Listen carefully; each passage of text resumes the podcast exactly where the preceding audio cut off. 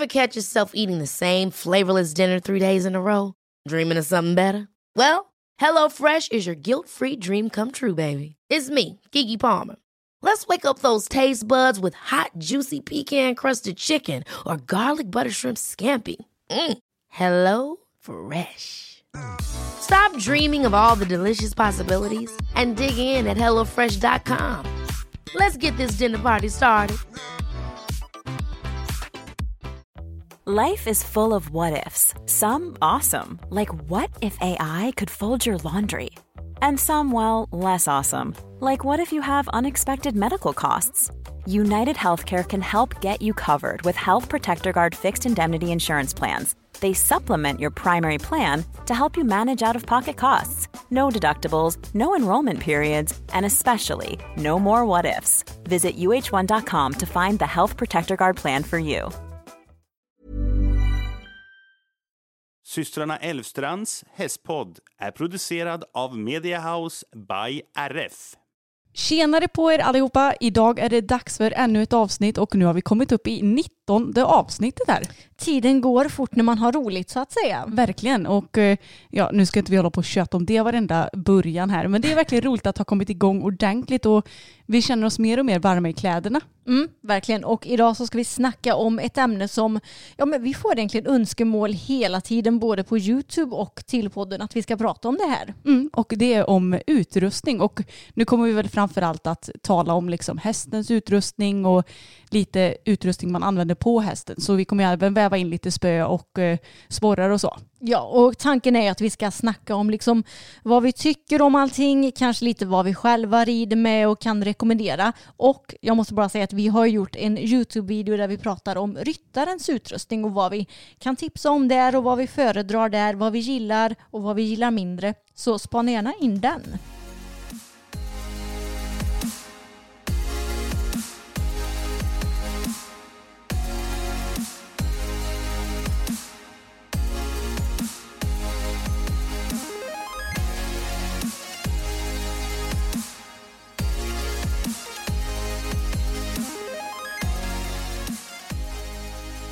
Och innan vi snubblar in på utrustningsämnet idag så ska vi såklart ta och uppdatera er om veckan som har gått.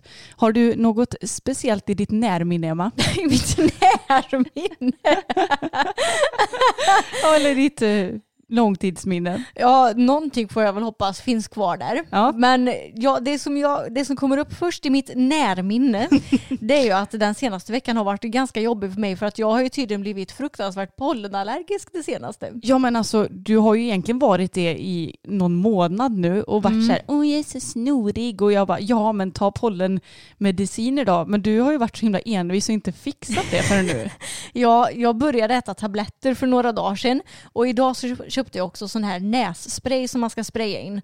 Och idag kändes det mycket bättre när vi var ute i stallet faktiskt. Ja. För det roliga, eller det som inte är så roligt då, det är ju att min allergi är som värst när jag är i stallet. När jag liksom är ute och rider i den friska luften så går det ändå ganska bra. Men så fort jag kommer in i stallet börjar det klia i hela ögon, ja, öra, näsa, hals liksom och jag nyser och jag, eh, näsan rinner. Det är skitirriterande. Mm.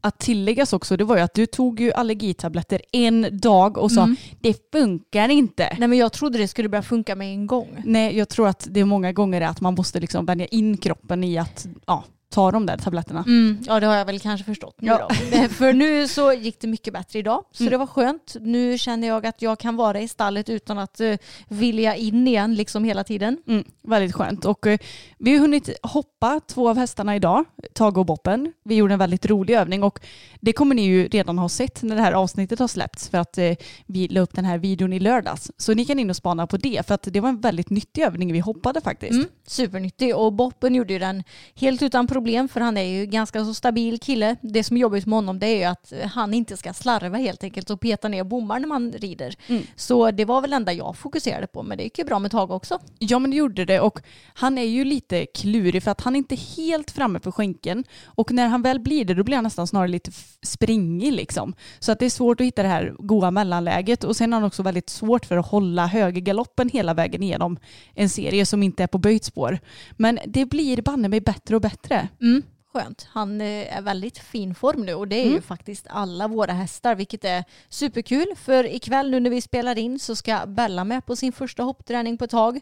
För ni som följer oss vet ju om att det skedde en liten olycka för några veckor sedan men nu är hon så fin igen. Alltså jag, jag njuter varje gång jag sitter på hennes rygg. Jag bara ler och hon är så mjuk och fin och blir mer och mer liksidig och jag vet att hon kommer tycka det är skitkul att få hoppa lite igen. Ja, vi skuttade ju lite i, när 17 var det? Fredags? Ja. Ja, och eh, då såg man att eh, hon bara lös upp varje gång du red mot. Ja. Ja, då hoppar vi lite studs bara. Ja. Mm. Hon är verkligen hopphäst deluxe kan man ju säga. Mm. Jag trodde ju inte på det förrän vi skaffade Bella. Nej. Att eh, hästar älskar att hoppa, men hon Mm. gör verkligen det. Ja. ja det gör hon och det är så härligt med henne för hon blir verkligen, hon har ju en del motor men hon är alltid väldigt liksom, vad ska man säga, kontrollerbar. Ja, reglerbar. Eh, Reglerbar, det är ett bra ord. Och hon blir aldrig liksom så att hon sticker eller rusar mot hinder. Utan hon har en bra energi men hon är väldigt lätt att ha med sig. Men jag känner snarare på hennes energi att åh ja, nu ska jag få hoppa liksom. Ja, det känns som att hon har eh, små fyrverkerier i hela kroppen. ja sådär. men exakt. Mm. Och Fokus fick också hoppa lite granna. Eh, han eh, var superduktig. Vi har egentligen inte hoppat någonting sedan vi var på öppna banan eftersom ja, jag opererades och sådär och inte red på en vecka. Men eh, han var superduktig. Han var lite så här, första gången jag styrde mot studsen så kände jag i kroppen på honom att han var lite tvekis. Liksom så här, Jaha okej vad är det här jag ska hoppa nu? Men han gjorde det och han var lugn över och han hetsar inte alls igenom på samma vis längre. Och eh, jag har ju för övrigt haft lite träningsverk i veckan också. Av ridningen. Ja, för det är helt galet. Jag har inte gymmat nu heller eftersom jag opererat så inte fick anstränga mig. Men så satte jag upp första gången på måndagen och då red vi ett dressyrpass gjorde vi va? Ja. Ja, och eh, dagen efter bara, jaha, här kom lite träningsvärk i ljumskarna och benen ja. Och det blev ju typ bara värre och värre ju längre veckan gick. Och sen så hoppade jag ju boppen lite grann också den fredagen. Mm. Och dagen efter det så hade jag sån träningsvärk i mina vader om ja, men jag tror att det beror lite på boppens sadel och det där. Ja, säkert. Men vi kan prata lite mer om det sen för vi ska ju prata om utrustning som sagt. Exakt. Men Anna, vi ska ju köta om utrustning i det här avsnittet och jag tänker att det mest pedagogiska kanske är att börja liksom från hästens huvud och jobba sig bakåt och neråt. Ja, vi får väl försöka att få någon liten ordning på det hela i alla fall. Ja, så jag tänker att vi börjar att snacka om träns och då även bettlösa träns och tyglar. Och jag tycker att det är intressant med träns för det är egentligen någonting som du och jag aldrig har varit speciellt vad ska man säga, intresserade av. Nej, jag håller med. Det enda vi har brytt oss om det är egentligen utseendet. Sen har vi Mm. lite sk- skitit i ja, men att det ska vara så himla anatomiskt och bla bla bla. Jag vet att när PS of Sweden släppte sina trends, det första, eller ja, första kollektionen, då var vi extremt skeptiska. För vi kände lite att mm, trends verkligen kosta liksom flera tusen lappar och är det verkligen värt det? Och vi är ju lite skeptiker Ja. till det mesta. Och liksom vilken skillnad kan det göra? Ja. Hur, alltså ett väl inpassat träns ska ju liksom inte sitta och trycka någonstans direkt tycker jag. Nej, eller hur? Och jag tycker för övrigt det är kul det här med anatomiska trends för det var ju en extrem trend för 5-10 år sedan eller vad skulle Nej, du säga? Så länge sedan var det väl ändå inte? Jo det var det. Fem år sedan då? Ja. Ja, det, jag tycker ju fortfarande att det är typ en trend för att det är ju högt och lågt med de här anatomiska trendsen fortfarande så att Jaha, jag, skulle tänkte säga att det är jag, en pågående trend. jag, jag tänkte säga att det känns som att den här trenden har avtagit men det kanske vi har olika uppfattningar om då. Ja, för jag tycker att det känns som att de flesta nackstycken är betydligt bredare idag än vad de var förr. Mm. Och eh, det känns som att eh, ja, men alla har lite hakat på den här trenden utan att kanske behöva kalla det för ett anatomiskt trends alla gånger. Mm. Men man ser ju att hela hästsportvärlden har blivit påverkad av det här anatomiska trenden tycker jag. Mm. Ja det är kanske visserligen sant. Mm. För det är inte så himla många smala nackstycken längre. Nej. Men vi har ju ridit med både lite bredare nackstycken och med sådana som kallas för anatomiska och med ja, vanliga smala. Tycker du att vi har märkt någon skillnad någon gång? Not at all. Nej, alltså jag tror att det är, eh, vad ska man säga, bluff. Ja, eller eh, vad- säger man? Nej, vänta här nu. Jag vet precis vad jag menar. Ehm, tankens kraft. Ja, Ehm, precis. Men här är placebo. Placebo, tack. Det här med att komma på ord hörni, det är inte lätt alla gånger. Nej, att det blir en placeboeffekt. Att om du köper ett nytt träns och tror att och tänker att det ska ge underverk i ridningen, då ändrar du på hela din energi och kanske också på din ridning och då kommer hästen att gå bättre. Mm. Men herregud, det är inte så att vi säger att köp inga sådana trends. Alltså köp vad tusan ni vill. Det är bara att jag och Emma är lite skeptiska. Ja men exakt. Men något som jag tycker är mer intressant på trends det är ju nosgrimmer. Mm. För det finns ju en uppsjö olika nosgrimmer om man säger så.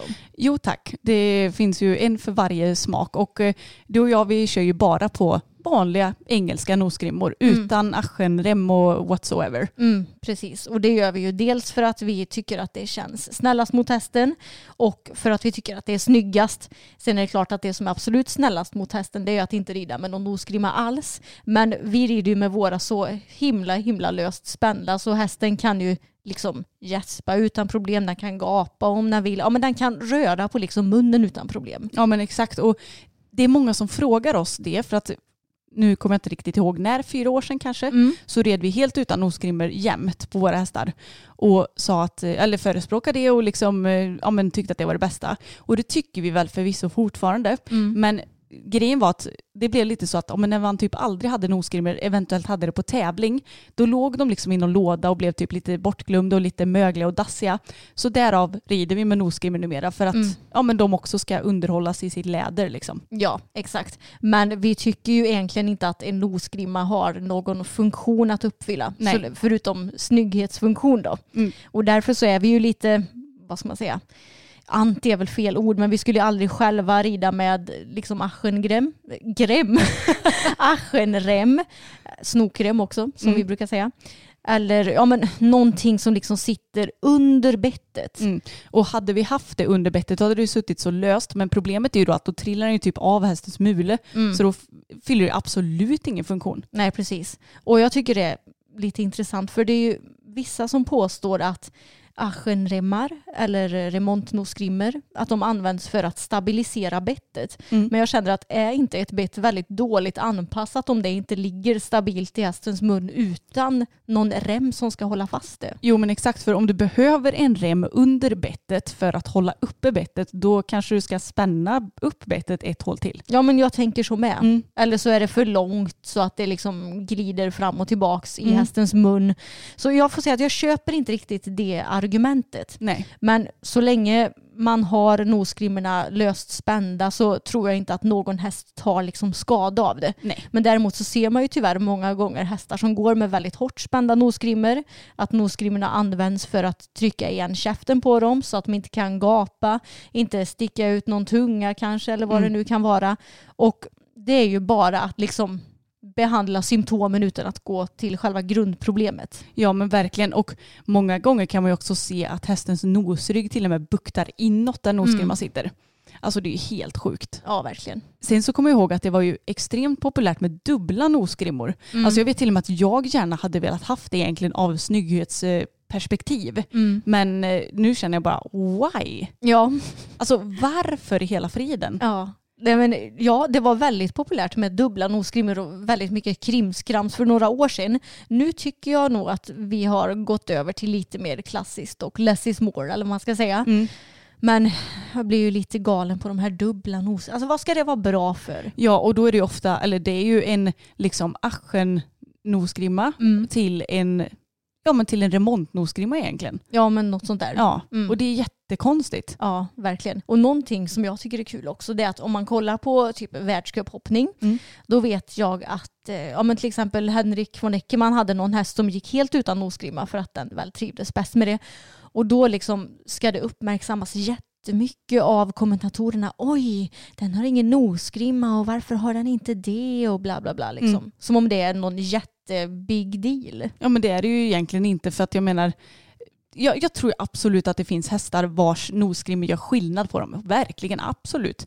Men jag menar majoriteten har det väl bara för att det ska vara en nosgrimma eller? Ja men det tror jag. Och något som vi också har till träns det är ju tyglar. Mm. Och jag kan säga som så att har du en häst som är 1,82 hög med en jättelång hals, det är inte så lätt att hitta varken träns eller tyglar till den, för Nej. alla nosgrimmor är för små.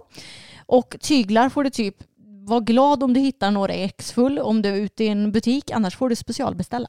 Ja, jag minns när Boppen trampade sönder sina tyglar en gång och vi bara nej, nu Mm. måste vi specialbeställa igen. Japp. Men eh, tack vare, eller man ska säga, att han har sin lilla hals så har ju han egentligen alltid gått med vanliga vävribbtyglar för att det är ju typ det som har passat på honom. Mm. Och därför får jag säga att jag kanske är lite konstig nu men jag älskar sådana här vanliga vävribbtyglar att rida med. Ja, jag tycker också de är toppenbra. Och jag tycker lite att alltså, regnar det, de blir ju inte särskilt hala Nej. direkt. Utan ja, men de håller sin form och de, man har så pluppar på dem vilket jag tycker är gött för då ser man att man har ungefär lika långa tyglar. Nej, jag har inget att klaga på men jag Nej. vet att väldigt många hatar vävrebetyglar. Ja, Jag vet, jag vet alltså jag kan tänka mig att det är för att de är lite stela kanske. Men jag tycker inte det gör någonting för jag tycker att man får liksom, det, det känns stabilt i handen. Mm. Och något som många älskar det är ju gummityglar. Och vi har ett par tyglar nu som är typ gummi på ena sidan Mm. och sen läder på andra sidan. Och det får jag säga, det gillar jag för de är ganska tunna också de Mm. tyglarna. Men jag får ju panik på sådana stora tjocka gummityglar. Ja, med så här stora pluppar på. Ja, alltså, fy, alltså jag oh. Kan inte rida med det, det går inte. Nej, jag ryser typ bara jag tänker på det. Mm. Och det är klart att man ska ju egentligen kunna rida med all sorts utrustning så egentligen är det ju bra att variera. Men de, blir så, de är så tjocka så jag känner mig mycket stummare i min hand när jag har sådana tyglar. Jag med. Alltså jag avskyr dem. Mm. Men sen så gillar jag också kandartyglar eller vad man ska säga. Det är ju släta, smala, Mm. väldigt tunna tyglar. De gillar jag. Och på Fokus har jag också ett par lädertyglar med stoppar på. Så det är egentligen som en väveribetygel men bara i läder. Och de är så sköna nu när jag har ridit in dem för nu är de mjuka och fina, ändå med bra grepp och sådär. Så att vi är nog egentligen inte superkräsna när det kommer till tyglar men de där tjocka gummityglarna går fet bort. Mm. Och de måste ju vara i lagom storlek för hästens hals också. Ja, Så mm, ta reda på vad ni själva gillar för sorts tygel och sen att den ska passa hästens hals. För det är inte kul att rida med varken för långa eller för korta och det är ju en säkerhetsfråga också. Och när vi ändå snackar tygel så måste vi ha någonting att fästa tygen i och det är ju bett. Den här frågan känns ju som en ganska stor och omdiskuterad fråga. Ja, och en fråga som väldigt många tycker olika om också. Mm. Jag tänker som så att en häst den är ju liksom inte skapad att ens ha ett bett i munnen. För det finns inte så mycket plats där. Så självklart så är det säkerligen bäst för hästarna rent anatomiskt och trivselmässigt ifall de kan gå bettlöst. Och vi själva rider ju en hel del på bettlöst på hästarna. Mm, det gör vi, eh, främst för variationens skull. Mm. Men jag red ju enbart fokus på bettlöst i, ja, vad kan det ha varit, ett år eller? Ja. Ja, Minst ett och ett halvt nästan. Mm. Och det jag känner, då hade jag ett LG Bridal heter det. Det är som ett hackamår med, eh, jag hade en liten, liten kedja under hakan och sen så är det som cykelhjul typ på sidorna kan man ju förklara det. Och alltså jag kände väl att man blir lite, hästen blir lite mindre, mindre känslig liksom. Man kan inte riktigt leda på samma vis om man vill stretcha ut eh, yttersidan på hästens hals och sådär. Så att det är väl egentligen det som jag har att säga negativt om det. Men annars så tycker jag att det är ett väldigt bra alternativ till bett helt enkelt. Mm. Jag rider ju med det på Bella också och hon rids väl på det ungefär tre dagar i veckan. Jag brukar ha det på nästan varje utritt och jag är nöjd med det. Men det jag kan säga det är att hon blir ju väldigt mycket liksom starkare på det än Mm. på ett vanligt bett och dessutom blir hon väldigt lång och låg i formen. Så jag kan ju inte få henne att liksom sätta sig på bakbenen på samma sätt Nej. på det bettlösa som när jag rider med bett till exempel. Men jag ser det positivt. Jag ser det som så att hon går väldigt bra lång och låg på det här. Då får hon stretcha ut ryggen, jobba med andra muskler i kroppen än om jag rider ett dressyrpass på ett vanligt tränsbett till exempel. Så jag tror att det är bra att variera helt enkelt. Mm. Och det finns ju även massa andra bettlösa alternativ men det är framförallt det och ett vanligt sånt här ponnyhack som vi har testat. Mm, vi har väl egentligen. testat side pull också. Just det, det har vi och det, Det- kände vi inte Eh, inte på våra hästar i alla fall, men jag vet att det är ett omtyckt bettlöst alternativ. Så att det är ju absolut något att testa om man är sugen. Men åter till de där betten som sitter i munnen nu då. Eh, du och jag Emma, vi är ju ganska mycket för att ha det så enkelt som det bara går. Men eh, skulle det behövas bettlas upp om man liksom har ja, testat allt höll jag på att säga, men att hästen är stark och alltså stark i kroppen menar jag nu och att man har byggt upp den och att det fortfarande är lite för att den är lite för stark i munnen, då får man väl betsla upp då. Mm. Men annars är vi ju lite mer less is more och eh, gillar ju väldigt mycket vanliga, vanliga tredelade bett egentligen. Ja, men alla hästar som vi har haft genom tiderna har ju egentligen gått på vanliga bett. Mycket tredelat går ju både Tage och Boppen på. Bella och Fokus går på lite olika bett ifrån Fager Bits Mm. men alla är liksom väldigt milda, väldigt mjuka. Våra hästar är ju väldigt mjuka i munnen och liksom känsliga. Och jag tror att det går ju absolut att jobba upp. Det tror verkligen jag också, som med allt annat egentligen. Jag menar, om en häst är lite eh, slö för skänken så går det också att jobba upp reaktionen där. Och jag tänker att det är likadant i munnen. Det är klart att om en häst har varit stark eller om den haft en föregående ryttare som liksom varit ganska stark i sin hand, då är det klart att då har den väl vant in det mönstret, men det går ju säkert att vänja om liksom. Ja men absolut. Och eftersom vi har hästar som, jag ska inte säga att de har varit enkla i munnen för både Fokus och Bella eh, är ju lite svåra i sin mun men de går på väldigt milda bett allihopa så har ju vi inte sådär jättestor erfarenhet av olika sorters bett. Men finns det något bett som du aldrig skulle kunna tänka dig att rida på Anna? Pessoabett. Mm. Eh, dels för att det är svårt att rida på det och ha en mild hand för att eh, det är nästan så att oavsett vad du tar för tygeltag så blir det skarpare än vad det är tanken att det ska vara. Ja mycket skarpare. Eh, så att det väljer jag alltså fet bort för min del. Ja, och det ger ju typ dubbla signaler till hästen också. För när du tar ett pessoabett så ger ju det ett tryck på nacken så att det liksom ber hästen att ta ner huvudet. Men sen så blir det samtidigt, alltså bettet typ vrider ju sig i munnen på hästen också. Mm. Så hästen, det som hästen gör oftast när man går på ett pessoabett det är att den liksom böjer på huvudet och liksom försöker komma undan. Ja, den krullar ju ihop sig Mm. utav bara tusan. Precis. Och eh, det blir ju liksom inte riktigt att om man tar en förhållning, det blir ju liksom inte riktigt en förhållning på samma vis som på ett vanligt bett till exempel. Så ja, jag vet, jag har ridit på det förr i tiden, men eh, inte på våra hästar dock. Men nej. Nej. nej, det skulle jag inte sätta in i munnen. Nej, det blir ju en väldigt oärlig eftergift i nacken eller vad man ska Mm. säga. Men det tänker jag kanske att det blir på ett hävstångsbett också. För Pessoa är ju vad man kallar för ett hissbett. Det var ju det jag pratade om med trycket i nacken och det där. Men hävstångsbett, alltså det är så kul för inför det här avsnittet då vill jag göra lite research så jag googlade på hävstångseffekthäst eller hävstångsbetthäst och försökte liksom ta reda på exakt vad det är som händer med ett hävstångsbett i hästens mun. För det finns ju många olika sådana. Mm. Men alltså jag fick inget vettigt svar. Jag var till och med inne på någon SLU-studie och bara, ja, men här måste det väl ändå beskrivas exakt den här hävstångseffekten och vad som betyder med den. Men nej. Så det enda som jag förstår det är att det blir en hävstångseffekt av att du tar i tygen en liksom liten förhållning och då blir den kraften större i hästens mun. Ja. För det är det som menas med hävstång, att du tar i med lite kraft och sen blir det mer kraft. Mm. Men det jag inte förstår det är om det också blir något sorts tryck på nacken med ett hävstångsbett eller om bara effekten i munnen blir skarpare. Mm, alltså om jag funderar lite, för att hävstångsbett det är ju till exempel Kimblewick, Mm. ehm, nu ska vi se, babypelham eller pelhambett Ja, och eh, kandar. mm, precis. Alltså bett med en stång. Ja, precis. Det är ju den här stången som ger själva hävstångseffekten. Mm. Och jag har väl ridit lite, lite, lite, lite grann på ett eh, pelhambett.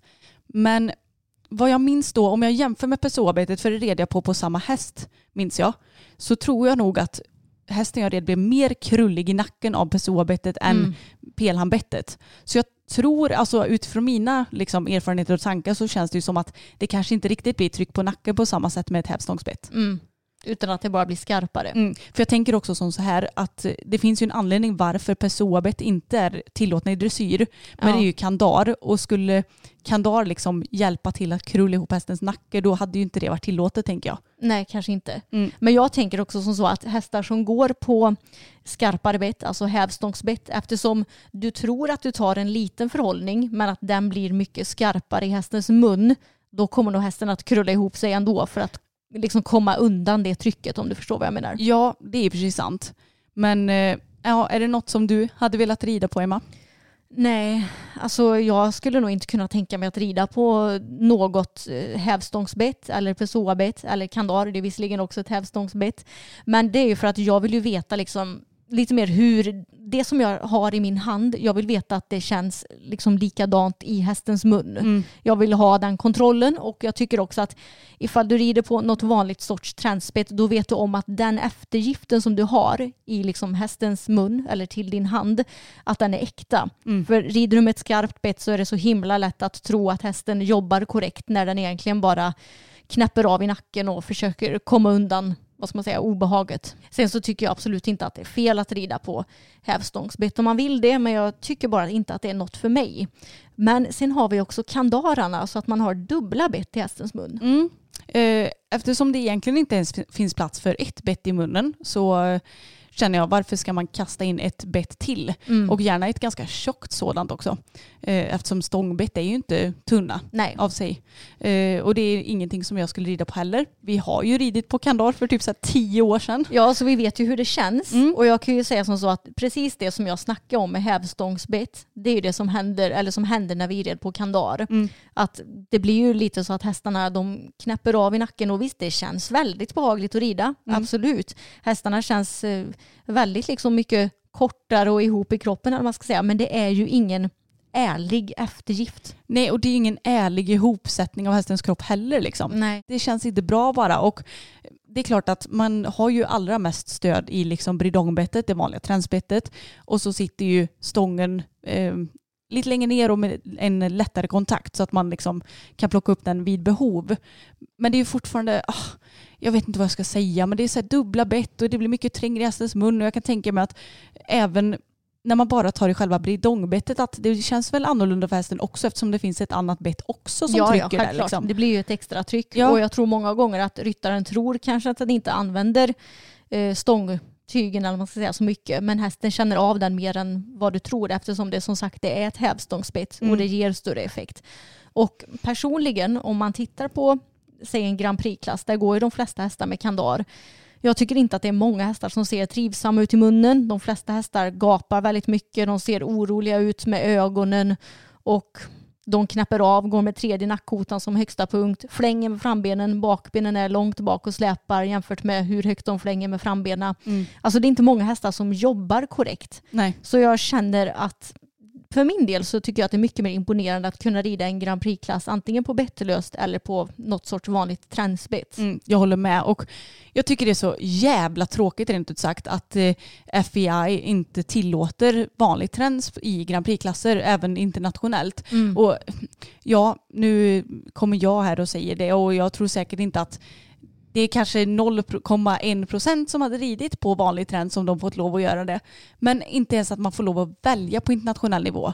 Det är ju att så många fler säger att ah, men jag måste vänja in min häst på kandar trots att de kanske egentligen går bäst på träns. Mm. Och trots att, alltså, även om du inte vet ifall din häst kommer gå internationellt eller inte, Mm. så måste du ju vänja in den vid det ifall den kommer gå internationellt. Precis. Jag tror att det hade besparat ganska många hästar att slippa det där extra bettet faktiskt. Mm, verkligen.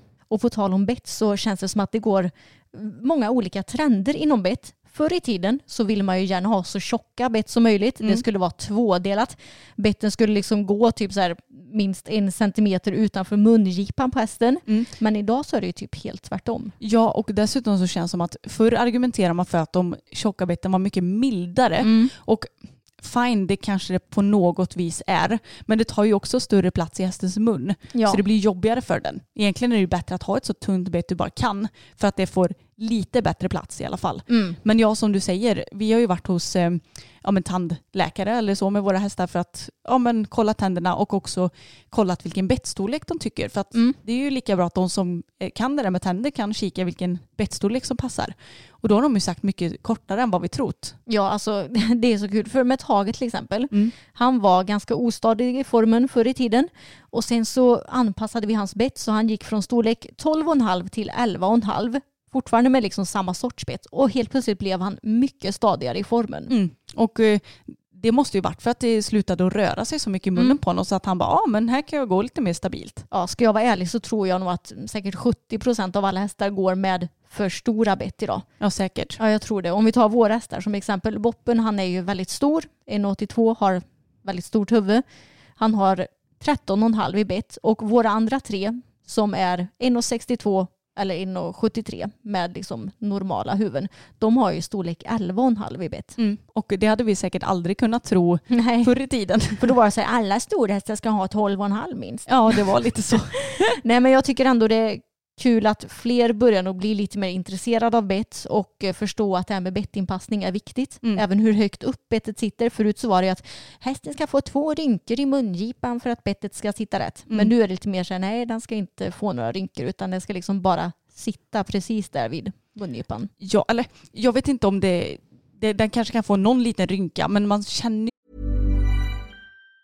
Hi, I'm Daniel, founder of Pretty Litter. Did you know cats tend to hide symptoms of sickness and pain? I learned this the hard way after losing my cat, Gingy. So I created Pretty Litter, a health monitoring litter that helps detect early signs of illness by changing colors, saving you money and potentially your cat's life. Pretty Litter is veterinarian developed, and it's the easiest way to keep tabs on your fur baby's health right at home. Go to prettylitter.com and use code ACAST for 20% off your first order and a free cat toy. Terms and conditions apply. See site for details. A lot can happen in the next three years. Like a chatbot may be your new best friend. But what won't change? Needing health insurance. United Healthcare Tri Term Medical Plans are available for these changing times. Underwritten by Golden Rule Insurance Company, they offer budget friendly, flexible coverage for people who are in between jobs or missed open enrollment. The plans last nearly three years in some states, with access to a nationwide network of doctors and hospitals. So, for whatever tomorrow brings, United Healthcare Tri Term Medical Plans may be for you. Learn more at uh1.com. ju liksom när det sitter lagom. Det ska inte vara hårt men det ska inte vara löst heller. Liksom. Nej exakt. Och det är ju det att om den är, bettet är väl, anpassat, om det är lagom långt och sitter lagom högt upp, då ska det inte behöva stabiliseras heller. Mm. Och du ska ju rida med en så pass mjuk hand också tänker jag att det inte ska röra sig så mycket. Ja men precis. Men jag måste faktiskt säga det att det är ett väldigt bra tips till er om ni åker till någon hästtandläkare eller hästtandhygienist eller vad det nu kan tänkas heta. Plocka med er träns med de better som ni brukar rida med för att då kan denne titta på dem och se om det sitter väl anpassat eller inte. Men på tal om träns och tyglar och allt vad det är så finns det också en uppsjö av hjälptyglar på marknaden. Ja alltså jag vet inte om jag hade kunnat nämna alla som finns till häst faktiskt. Nej, alltså jag har extremt dålig koll. Mm, Men det är, ju, det är för att ni säkert förstår, vi är ju lite av less is more. så vi använder ju så lite som möjligt på våra hästar. Men de två kanske vanligaste, det är väl ändå martingall Mm. och grammantygel kanske. Mm. Två väldigt olika sorters hjälptyglar men som ändå används av relativt många skulle jag säga. Mm. Och eh, en martingall kan vi börja med då. Det tycker jag väl ändå är, alltså jag har egentligen inga åsikter om det. Nej. Använd det om du vill liksom. Mm. Men eh, det är många som har hävdat att jag borde ha, ha på det på fokus för att han kan kasta lite med huvudet, i synnerhet när han är lite obekväm och eh, lite taggad kanske. Men jag känner lite att grundproblemet sitter ju i att han inte är helt 100% trygg och att han inte är helt 100% liksom igenom kroppen och lugn vid hoppning eller vad man ska säga. Så kastar jag på en martingall, det kommer ju inte ta bort mitt grundproblem. Så därför så ser jag inget syfte i att ta på en heller. Nej, det kanske snarare orsakar mer spänning för att han känner sig fastlåst eller vad man ska säga. Ja, och även om en martingall ska ju inte sitta så att den drar ner hästens huvud liksom. Men eh, nej, jag, jag, jag ser inget syfte i att ha den på någon av våra hästar just nu. Nej, inte jag heller. Och eh, gramman, det har ju vi ridit på tidigare. Mm. En del, det var ju länge, länge sedan. Alltså när vi var tonåringar. Ja. ja, det är också sjukt. När vi var tonåringar så använde vi oss av en sån. Mm, men det var ju för att vi blev rekommenderade det av vår fantastiskt bra hopptränare som vi hade på den tiden. Ja, det var så himla bra. Ja, verkligen. Nej, men eh, då hopptränade vi för en viss person och eh, henne tyckte att eh, Tage hoppade för dåligt med ryggen framför allt. Mm. Så då slängde hen på en eh, grammantygel och sa hoppa.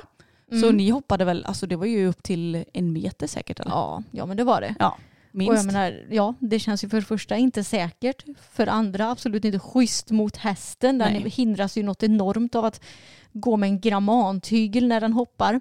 Och på tal om grammantygel så tycker jag inte att det är någonting att hänga i granen överhuvudtaget när det kommer till ridning om man använder det med syftet av att få hästen att arbeta korrekt. Mm. För jag menar det som den gör det är att tvinga ner huvudet på hästen om jag ska uttrycka det lite milt. Får hästen att böja på huvudet. Men om hästen böjer på huvudet då är det det enda som den gör också. Ja. Den arbetar ju inte annorlunda med mage, rygg, bakben utan det blir ju bara som en quick, quick fix för att du ska få ner huvudet på den. Och för att det ska kännas lite mjukare i handen kanske för att den försöker komma undan det trycket. Ja, och jag vet inte hur många gånger jag har hört någon säga ja den där sa att den där hästen den kan bara gå med gramman när den rids på dressyr på. För att den kan inte gå i form. Och jag kände bara men för helvete rent ut sagt. Alltså vad är det ens? Ja, den går ju knappast i form för att du slänger på den en gramman. Nej, exakt. Och jag menar, vad är det för lösning? Det är ju det som är problemet med många hjälptyger, att det är ju bara en quick fix. Mm, precis, som inte löser grundproblemen. Mm. För grejen är när det kommer till form, en bra form börjar ju alltid bakifrån med bakbenen. Mm. Och sen att hela den energin ska liksom arbetas upp i hästens kropp tills du till slut får en bra eftergift i handen. Och att du tvingar till en bra eftergift i handen gör ju absolut inte att resten av kroppen arbetar korrekt. Nej men exakt, för det behöver ju alltid börja bakifrån som du sa. Det, Man Mm. kan ju inte börja framifrån. Nej, alltså det blir ju att försöka lösa problemet i helt fel ände. Så nej, jag är trött på de här quick fixen som finns i ridsporten och som oftast inte hjälper för fem öre heller. Mm. Och som sagt, det känns väldigt bra att rida med gramman, absolut. För hästen försöker komma undan den och den krullar ihop nacken och blir mjukare i munnen. Men är det någonting som löser det? Nej. Nej. Alltså jag kan förstå vissa som kanske rider med gramman av säkerhetsskäl om man har hästar som är väldigt busiga att rida ut på till exempel och sådär. Men jag kommer aldrig förstå de som rider med gramman för att få hästen att jobba bättre. Och nu ska vi ta och köta lite om sadlar, vilket ju är ett ganska så roligt ämne tycker jag. Vi har ju haft ett gäng sadlar genom åren eftersom vi har haft olika hästar och ibland har sadlarna passat och ibland inte så man får byta ut. Och har du någon tanke när det kommer till sadlarna? Ja, alltså jag tänker lite att det viktigaste är ju att den passar hästen, absolut. Men det är väldigt viktigt att den passar dig också. För jag vet att förr i tiden så var vi lite så här, "Ah, ja men den passar hästen, vi lär väl oss rida i den.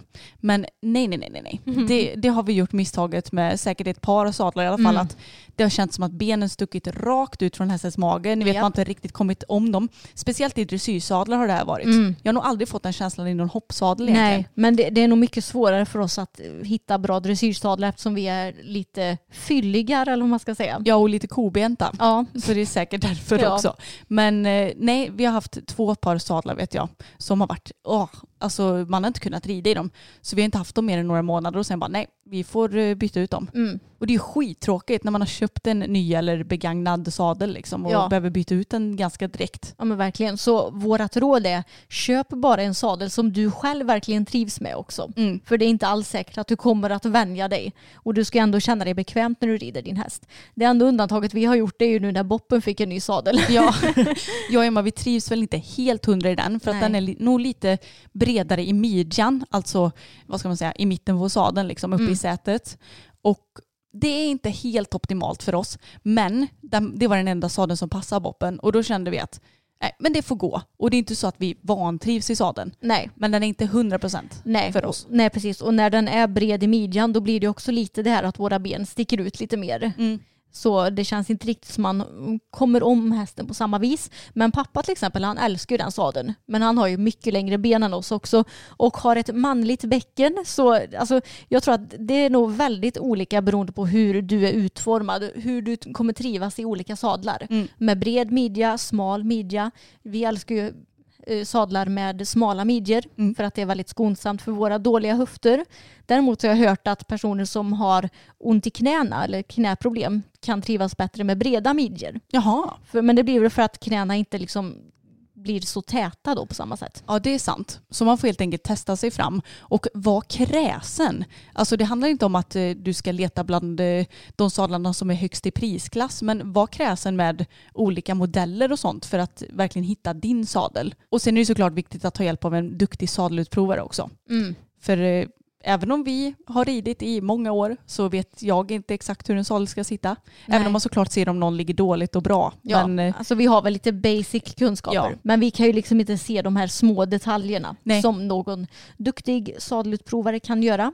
Och det är också viktigt att du känner att du kan lita på din sadelutprovare. För jag vet att det finns många som bara försöker sälja på dig grejer oavsett om de kanske inte är helt hundra eller inte. Men Mm. sen finns det också många duktiga som verkligen är ute efter att hitta den här perfekta matchningen för häst och ryttare och som är väldigt service-minded. Mm, verkligen. Och när det kommer till material och sånt på sadel så föredrar ju vi helt klart när det är kalvskinn eller delvis kalvskinn i alla fall. För det tror jag att det är på, visst är det på din hoppsadel att det är Mm. i sätet och på knäna eller knästöden? Ja, precis. Mm. Och det är ganska skönt för då får man lite extra grepp. Sen finns det ju massa olika lädertyper och det finns syntetsadlar och sånt. Men kalvskinn trivs vi med allra bäst och det är ju tyvärr dyrast också. Ja, och alltså nu när vi har haft det det senaste då blir man lite bortskämd. Ja, Tage sadel är ju den enda som inte har kalvskinn så när man rider i den man bara Ugh!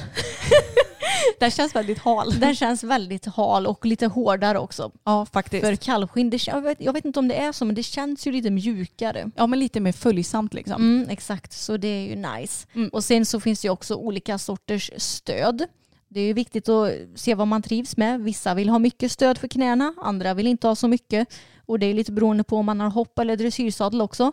Jag själv föredrar faktiskt att inte ha så mycket stöd, för då känner jag mig lite fastlåst. Mm, ja men faktiskt. Det får gärna vara lite lagom stöd på hoppsadlar. Men däremot så har jag en dressyrsadel med ganska ordentliga knästöd. Men jag älskar den. Jag har en Equip Olympia och eh, även om den var en dyrgrip så ångrar jag det inte någon gång alltså. För den har lagom stora stöd utan att bli too much. För jag kan ju ändå liksom röra mina skinklar ordentligt både framåt och bakåt. Och känner mig inte alls fastlåst i den överhuvudtaget. Så att jag älskar den. Och den sadeln är ju också enkelkåpan. Ja, och det måste jag säga att det föredrar jag alla gånger när det kommer till dressyrsadlar. För att man kommer lite närmare hästen. Alltså med enkelkåpa så menas ju att det finns liksom ingen andra kåpa som man lyfter på och där ligger liksom sadeljordstropparna. Så heter det kanske inte, sadelstropparna. Eh, nej men så jag älskar det och jag kommer nog aldrig gå ifrån enkelkåpad dressyrsadel. Men eh, under sadeln så behöver man ju något eh, skydd, eller ja, det måste man väl inte ha. Men eh, vi väljer att ha schabrak och sen har vi paddar på några sadlar. Mm. För övrigt det här med paddar, det är också lite omtalat. Ja. Varför har du en padd på en utprovad sadel?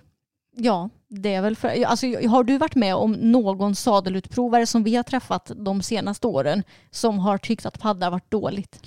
Nej, inte dåligt, men eh, jag har ju ingen padd på min hoppsadel till fokus. Nej. För att eh, min sadelutprovare sa att ja, jag tycker inte det är nödvändigt och då tänkte jag att nej, men då behöver man inte ha det heller. Nej. Men sen har jag ju padd på dressyrsadeln och Mm. Det är väl såklart en smaksak om man vill ha det eller inte. Och vill du verkligen ha det, ja men säg det till din sadelutprovare att jag önskar att ha en, eller en eh, fårskinspadd under. Mm. För då provar man ju bara ut med en sån. Ja, precis. Och jag tror att när jag har provat ut sadlar så provar man väl egentligen alltid ut först utan padd Mm. för att se som de ligger och sen så får ju sadelutprovaren säga att den här padden kan du ha till den här sadeln. Och för mig som har Bella som hon har ju vuxit ganska mycket i kroppen. Då rider jag med fårskinspadd som det är i och urtagbara så här ilägg i Mm. ifall jag behöver lägga i, i både fram och i bak och det är smidigt för att hon ändras ju en del i kroppen. Så jag kan säga att jag gillar verkligen paddar. Dels för att det blir lite, vad ska man säga, stötdämpning. Vilket ju är trevligt. Sen tycker jag att det är fint om man ska vara lite ytlig. Mm. Och så tycker jag det är trevligt att man kan ändå variera hur sadeln ligger ifall hästen nu musklar om sig. Mm, men det håller jag med om. Och det där med paddar, det finns ju en uppsjö, men vi har ju egentligen bara testat fårskinspaddar. Ja, Och någon gelépadd, men ja, det har ju inte varit eh, någon jätteomvälvande skillnad liksom. nej men exakt. Men åter till schabrak då. Eh, Vad föredrar du för schabrak, Emma? Oj, bra fråga. Alltså, jag har ju märkt att det är ganska stor skillnad på olika sorters märken i schabrak. Vissa blir ju väldigt sladdriga så fort man har typ tvättat dem någon gång. Vissa tappar kvaliteten väldigt fort. Jag föredrar ju liksom stabila schabrak Mm. som kanske är lite, vad ska man säga, hårdare i materialet. Ja, men de- lite styvare. Ja, lite styvare för de brukar hålla bättre.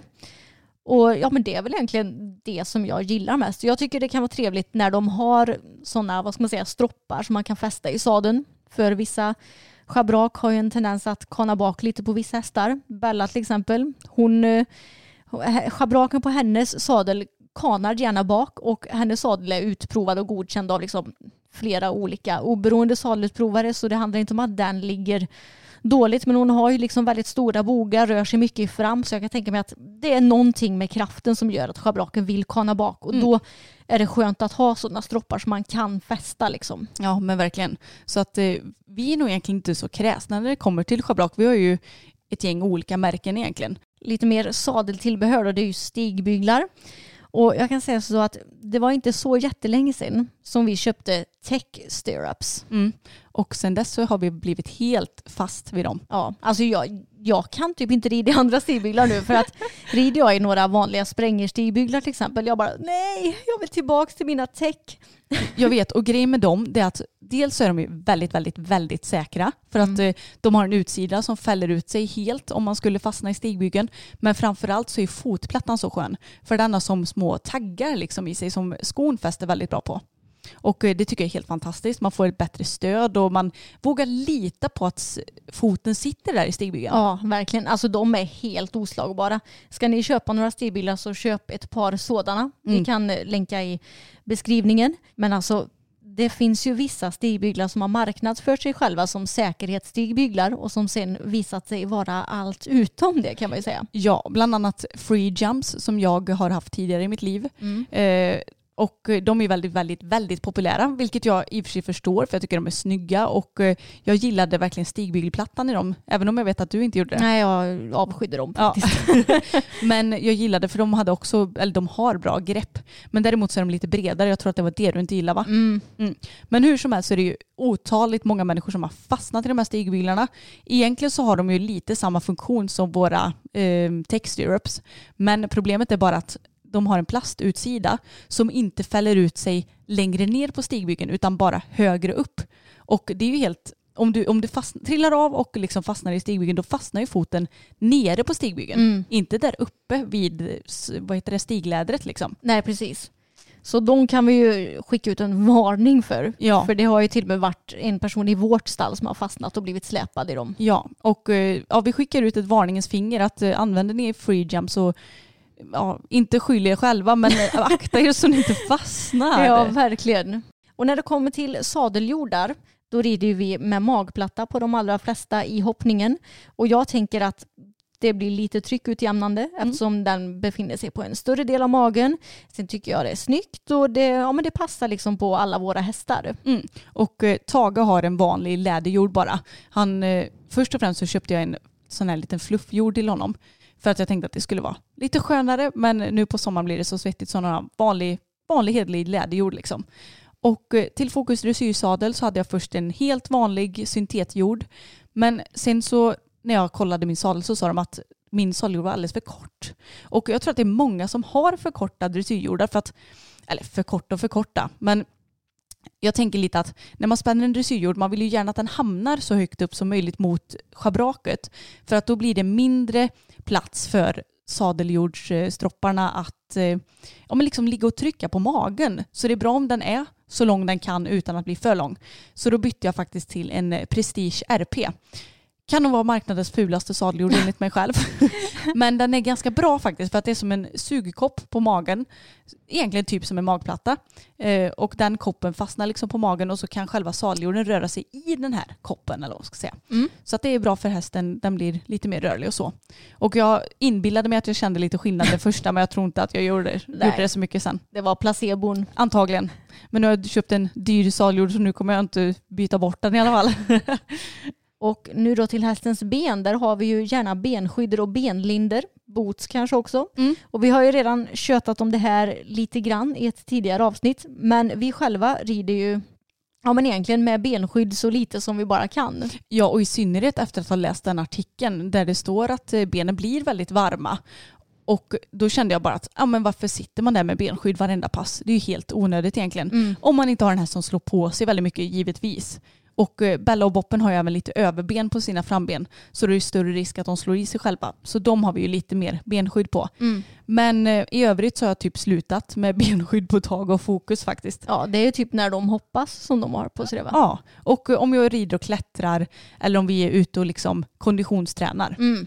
Men annars så under dressyr och, och vanliga uteritter så struntar jag faktiskt i det helt. Ja, nej men eh, vi har väl egentligen börjat minska det med Boppen och Bella också skulle jag säga. Jag rider absolut inte med benskydd alla pass på Bella numera. Nej. Och jag tänker att hästarna kan liksom gå ute i hagarna hela dagarna, både skritta, trava och galoppera och de klarar sig alldeles utmärkt. Ja och ursäkta men bocka, stegra, göra massa konster utan att skada sig. Ja, Så jag- Peppar peppar. Nej. Ja, så jag tänker att de klarar sig säkert på ridbanan också. Mm. Alltså de allra flesta hästar tror jag inte behöver benskydd egentligen. Men att det kan kännas bra som, en, som ett extra skydd. Speciellt eftersom det finns ju många senor till exempel på hästens ben som man kanske vill skydda. Mm, precis. Men när det kommer till benlindor så vet ni ju redan att ja, vi, vi är ju lite sådär med, ja vadå ger bra stöd? Hur kan det ge bra stöd för ett ben med alla senor och allt vad det nu Mm. kan vara? Jag tror inte riktigt på det. Nej. Eh, men framförallt så blir det ju jättevarmt med benlindor. Och vi använder det typ aldrig. Det är väl om jag ska klä upp mig någon gång, men det orkar jag ju inte göra sådär jätteofta. Nej. Alltså det är jättefint med benlinder men utöver det fina så ser ju inte vi någon funktion i det hela helt enkelt. Nej. Så ja men less is more även när det kommer till hästarnas ben för vår del helt Mm. enkelt. Och när det kommer till boots bara så använder vi ju det när de är broddade. Det är väl typ då. Ja. Och om vi ska ha lite benlindor är det snyggt att ha fram boots. Men nu då till lite intressant utrustning som vi har en del åsikter om och det är spö och sporrar. Din, din, din. Vad använder du det av Emma? Ja, alltså vi båda använder oss väldigt, väldigt sällan av sporrar. Mm. Jag tror jag använder sporrar max en gång i veckan. Ja, jag använder ju, jag, jag kommer inte ens ihåg, jag tror jag hade sporrar på Tage en dressyrtävling i augusti, sen kan jag inte minnas när jag hade på mig dem sist. Nej, du rider nästan aldrig med sporrar. Nej, det kan vara på boppen eventuellt någon gång. Men Ja. annars så, jag känner lite att på Fokus och Tage som jag rider mest på, då, alltså skulle de vara lite sega för skänken någon dag, då hjälper inte ett par sporrar. Då sitter ju grundproblemet i att de inte riktigt är alerta på mig. Mm. Eller hur? Ja, precis. Alltså jag kan säga att sporrar, det kan vara jättebra att använda om du vill få fram det där lilla extra. Men det är också anledningen till att jag rider med sporrar så himla sällan. Mm. För om jag skulle sitta och rida med sporrar varje dag så hade hästarna vant sig vid de hjälperna och då hade det inte gett någon skillnad sen om jag vill ha det där lilla extra när jag åker och hopptränar eller tävlar till exempel. Mm. Och det svåra med sporrar det är ju att man vill ju inte använda sporren hela tiden. Man vill ju bara använda sporren när det verkligen behövs och det är, det är jättesvårt att använda sporre på helt liksom optimalt vis. Jag tror att de flesta inbillar sig att de kan utesluta sporren i sina skänkelhjälper. Mm. Men det kan de flesta nog inte göra. Nej, det, det, är nog, det är ju väldigt svårt. Då Mm. måste man ju precis eh, skänkelkoordination liksom. Ja exakt, så det är nog svårare än man tror. Mm. Och också av den anledningen så har ju vi alltid bara ridit med 15 mm kulspårar, även kallat ponnyspårar. Yes. Men det är absolut ingenting som jag rider med på daglig basis. Men det gjorde ju vi förr i tiden Anna. Ja, ja, då var det ju, det var ju inga konstigheter. Då red man ju med sporrar jämt. Mm. Och skulle man råka glömma sporren så bara, men gud, jag har glömt sporrar idag. Då var det så här, åh nej vad hästen är seg och dåligt framme för skänken idag. Ja. Det är helt sjukt, det är verkligen tvärtom idag. Ja. Men när det kommer till spö däremot så är det ju något som jag rider med typ jämt. Och det kanske är en lite ful ovana. Även om jag inte behöver använda spöet hela tiden så tycker jag det är lite som med dig och spåra på hoppträning. Att det, Mm. det är liksom en safety-grej. Och under uteritter kan jag tycka att det är nödvändigt. Om hästen skulle börja, eh, jag vet inte, krångla när det kommer en bil när vi rider på asfaltsvägen eller något, då behöver ju faktiskt kunna korrigera den vid behov. Men på banan så är det ju kanske inte en nödvändighet alla gånger. Men däremot så måste jag ju korrigera hästen om den absolut inte lyssnar på min skänkel till exempel. Så att eh, det är lite att väga av där. Men fördelen med ett spö är att jag sitter ju inte och liksom råkar peta den på bogen varenda steg liksom. Nej. Som det kan bli med ett par sporrar. Nej, det är mycket lättare att renodla spöhjälperna än att renodla sporrhjälperna. Ja, Så på så vis tycker vi att det är ett mycket bättre hjälpmedel om du till exempel vill få din häst att vara framme för skänken. Mm.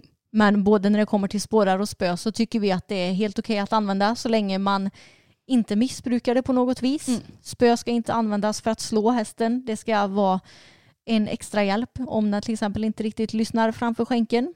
Och sporrar, samma sak där. Du ska liksom inte sitta och gräva med sporrarna hela tiden i hästens mage utan den ska också användas sparsamt. Och sist ut på utrustningsschemat idag det är ju tecken. Och Mm.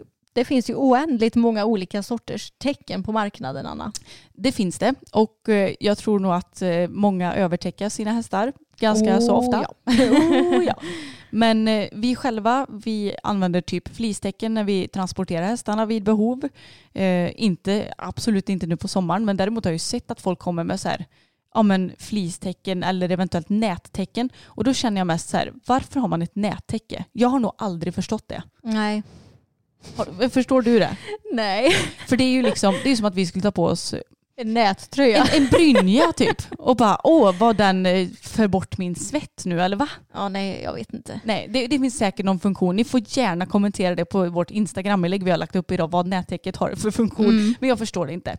Men skitsamma. Eh, överlag så använder vi ganska lite tecken skulle jag säga. Mm. Och i vår täckesgarderob om det kommer till utetecken så har vi ju ofodrat regntäcke. Sen har vi ett fodrat regntäcke med eh, bara fleecefoder som är tunt. Sen kör vi på 150 grams täcke va? Ja, Ja, och sen 300 grams täcke och sen, nej det är det förresten. ja, det är det. 400 grams täcken har vi också. Ja, men det har vi inte använt på ett bra tag. Nej, vi behövde inte ens använda våra 300 grams täcken det här, eh, den här vintersäsongen. Nej, det är kul. Så för er som har en liten referens här, våra hästar går ju då ute på lösdrift dygnet runt. Och nu i år så hade de alltså max 150 grams täcken va? Mm. Hela året. Så det är trevligt. Och, är trevligt. eh, ja, och jag tror egentligen att väldigt många hästar i det här landet hade klarat sig med det i år. Men som du säger, många övertäcker nog sina hästar. Ja, och sen är det klart att det finns ju våra kära lyssnare uppe i norr där också som kanske har det lite kallare än vad vi, Vi har. kan inte riktigt jämföra oss med dem i Nej, Norrland det känner kan jag. vi inte. Men jag får lite panik när jag ser många på sociala medier där hästarna går med typ så här 500 grams täcken när det är nollgradigt ute. Alltså jag tycker synd om de hästarna på riktigt. Jag vet och när de typ skriver ut att ja men jag har ett eh, stalltäcke på 400 gram och sen brukar jag ta på ett eh, 300 eller 400 grams täcke över det. Jag kände bara men snälla människa. Mm. Alltså det är ju verkligen så att hästar som vi har nämnt tidigare de är ju väldigt bra på att reglera värme och kyla. Mm. Och får de bara käka så brukar de ju klara det mesta alltså. Mm. Det, åh, nej jag blir så trött. Det här är ju en debatt som vi hade kunnat rabbla på hur länge som helst. Men känn efter vad era hästar har för temperatur under täckena. Det ska inte, vara varmt. Det ska vara ljummet. Ja, normalt. Ja, och är det det, då vet du om att din häst antagligen har ett rätt sorts täcke på sig helt enkelt. Mm. Och när det kommer till andra tecken eller vad man ska säga så använder vi ju oss av ridtecken vid behov. Men det är ganska sällan som vi använder det. Vi behövde ju knappt ha det ja, den här vintern heller. Nej. Och eh, på sommaren så har vi flugtecken vid behov. Och det är väl egentligen det i täckesväg va? Ja, men det är det som vi använder oss av skulle jag säga. Mm. Och eh, kan hästarna gå nakna så är det trevligt om de kan göra det så mycket som möjligt också. Mm. Så våra hästar går nakna så mycket de kan. Ja, både sommar och eh, vintertid. Ja men då har vi tjötat ett bra tag om utrustning och som ni säkert förstår så är ju vi av uppfattningen att less is more och förespråkar väl det helt enkelt när det kommer till mycket inom ridsporten. Låt hästarna vara hästar. Tänk en extra gång kanske innan du ja, lägger på det där extra täcket Mm. eller innan du sätter på den där hjälptygen och tänk istället långsiktigt vad som är bäst för din häst. Okej Emma, är du redo för veckans snackis? Det är jag. Mm. Det är ju nämligen så här att vi har lite problem med fåglar som gärna skiter i vårat vatten, eller ja, hästarnas vatten vid hagen. Gärna kommer och badar lite och dricker ur det och eh, lämnar en liten blaja då och då. och dessutom hittar vi en död, jag vet inte om det var en kaja eller kråka Ja. bredvid vattenhinken. Mm. Och jag kände bara, finns det ingen lösning på det här? Men det verkar som att det finns det. Really? Ja, jag snubblade över en artikel från Kära Hipson som ju ofta är med i våra snackisar här. Där en kvinna vid namn Camilla Wallin Ahouri, om jag uttalar det rätt, jag ber om ursäkt om jag inte gjorde det, som har gjort en lösning. Och för att slippa fågelbajs i hästarnas vatten i sommarhagen så sätter man upp CD-skivor. Mhm. Och då kan man ju undra, vad, vad hjälper det då? Är det så att de inte gillar musik? Nej, jag. Nej, men man ska helt enkelt hänga upp dem på liksom elstängslet. Och då håller sig fåglarna borta. Och det är ju helt otroligt om det kan funka. Och jag tänkte att du och jag, vi måste ju testa det här. Så det blir som en sorts fågelskrämma typ då? Ja, jag vet inte om de inte gillar, för det är ju liksom CD-skivor, ni vet ju den här baksidan är ju lite regnbågsfärgad och Ja. skiner i solen. Det blir något speciellt ljus Ja, då liksom? det reflekterar liksom. Så att det, jag tror inte de gillar det, eller det verkar inte som det i alla fall. Nej. Men så tänkte jag lite så här att skator de älskar ju typ allt som glimmar. Mm. Så vi kanske får mer skator, mindre kråkor nu. Det återstår Ja, att se. Vi får se. Vi ska i alla fall ta och prova det här så får vi återkomma i nästa avsnitt om det funkar eller inte. Mm, det måste vi verkligen göra. Men håll tummarna för oss för vi kan ju inte vara de enda som eh, har problem med fågelskit i våra vattenhinkar. Det tror jag inte. Ja, men det var allt för det här avsnittet hörni. Det blev både en massa utrustningssnack och lite fågelskit på det. Mm, gott och blandat. Vi är ju två brudar med en del åsikter som vi har nämnt tidigare så vi hoppas att ni tycker det är kul att lyssna på dem också. Ja, alltså vi hade ju säkert kunnat köta i en timme till om allt det här känns det som. Ja, det hade vi lätt kunnat göra. Men nu får det faktiskt vara bra. Ja. Ni får det så jättebra så hörs vi igen i nästa avsnitt helt enkelt. Alla nödvändiga länkar hittar ni i beskrivningen till det här poddavsnittet som vanligt. Hej då! Hej då!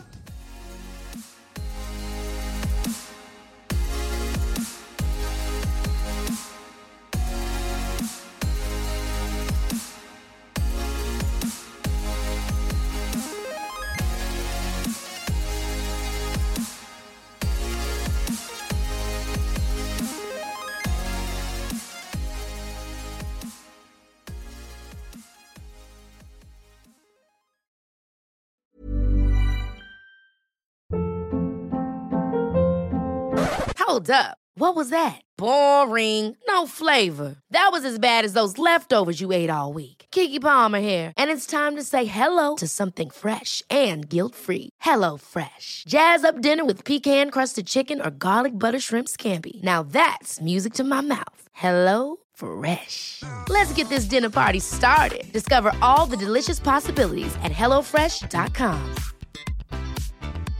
Hey, it's Paige DeSorbo from Giggly Squad. High quality fashion without the price tag. Say hello to Quince. I'm snagging high-end essentials like cozy cashmere sweaters, sleek leather jackets, fine jewelry, and so much more. With Quince being 50 to 80% less than similar brands. And they partner with factories that prioritize safe, ethical, and responsible manufacturing. I love that. Luxury quality within reach. Go to quince.com slash style to get free shipping and 365 day returns on your next order. Quince.com slash style.